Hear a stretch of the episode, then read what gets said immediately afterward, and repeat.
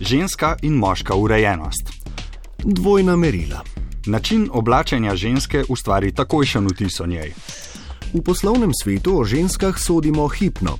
Primarna funkcija oblačil je, da nam presojanje dodatno olajša. Poslovna obleka naj o ženski pove to, da ji oblačila pristajajo. Primarna funkcija ženske v poslovnem svetu je estetska. Ženska naj z obleko poudari, kar je na njej lepega in skrije svoje pomankljivosti. Ženska naj bo lepa, vedno in povsod, ko in kjer je to lahko.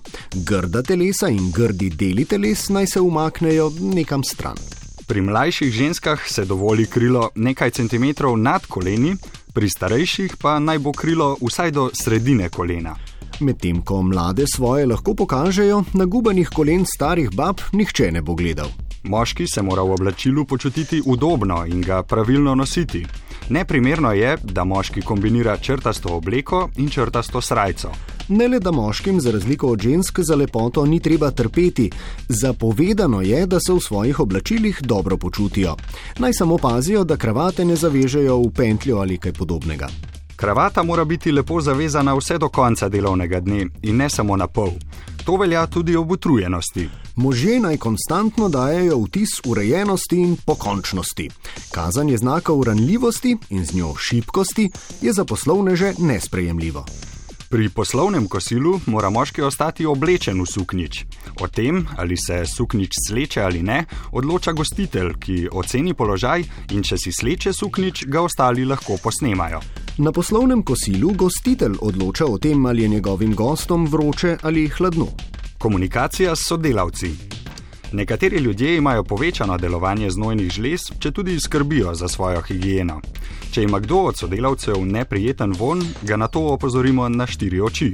Na kar se da prijazen način mu povemo, da je njegov telesni von zelo močan in naj bo na to pozoren, saj se ta von širi po celem prostoru.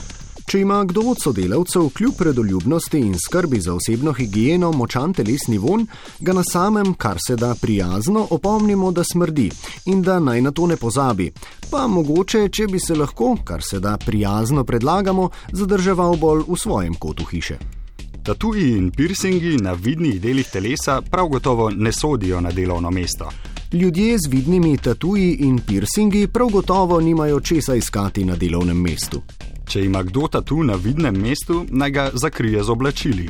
Tudi v poletnih mesecih. Tetovaž se je treba sramovati, vnaprej pričakovati potencijalne zgrešene interpretacije o naši osebnosti, ki si jih lahko sogovornik ob pogledu na njih ustvari o nas, zato je tatuje najbolje prikrivati.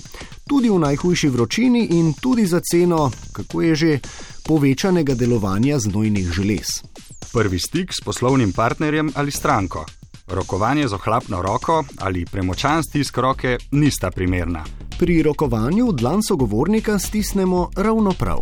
Če se pogovarjamo z več sogovorniki hkrati, gledamo posameznika približno 10 sekund, potem pogled preusmerimo na naslednjega. Če se pogovarjamo z več sogovorniki hkrati, bodimo v svoji komunikaciji še manj spontani kot sicer.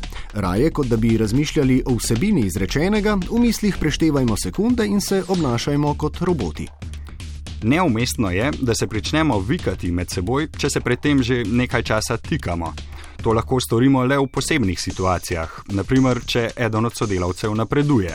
Vikanje je izraz spoštovanja. Odločitev o tem, koliko spoštovanja si nekdo zasluži, pa sprejmemo na podlagi naziva njegove funkcije. Preklop stikanja na vikanje je sprejemljiv le v posebnih okoliščinah, naprimer, če eden od sodelavcev napreduje, pa bi mu radi izlezli v rit. Neverbalna komunikacija. Z dvignjenimi ramami izražamo strah, nečesa nas je groza, s spuščenimi pa kažemo na breme odgovornosti. Telesna drža z dvignjenimi rameni je znamenje nedoraslosti izzivu, ki je pred nami. Spuščena ramena pa so tudi znamenje nedoraslosti izzivu, ki je pred nami. Torej, ramen ne dvigamo in ne spuščamo. Tudi roke imajo pomembno sporočilnost za našega sogovornika. Če držimo roko na predelu srca, pomeni, da smo pošteni in iskreni. Če lažete, to počnite z roko položeno na predel srca. Splošna navodila glede vedenja po bontonu. Strank ne smemo zavajati. Zavajanje je neetično. Z njim pridemo na slab glas, kar nas ne bo pripeljalo na pot uspešnosti. V poslovnem svetu velja delovati etično, saj oziroma ko imamo od tega osebno korist.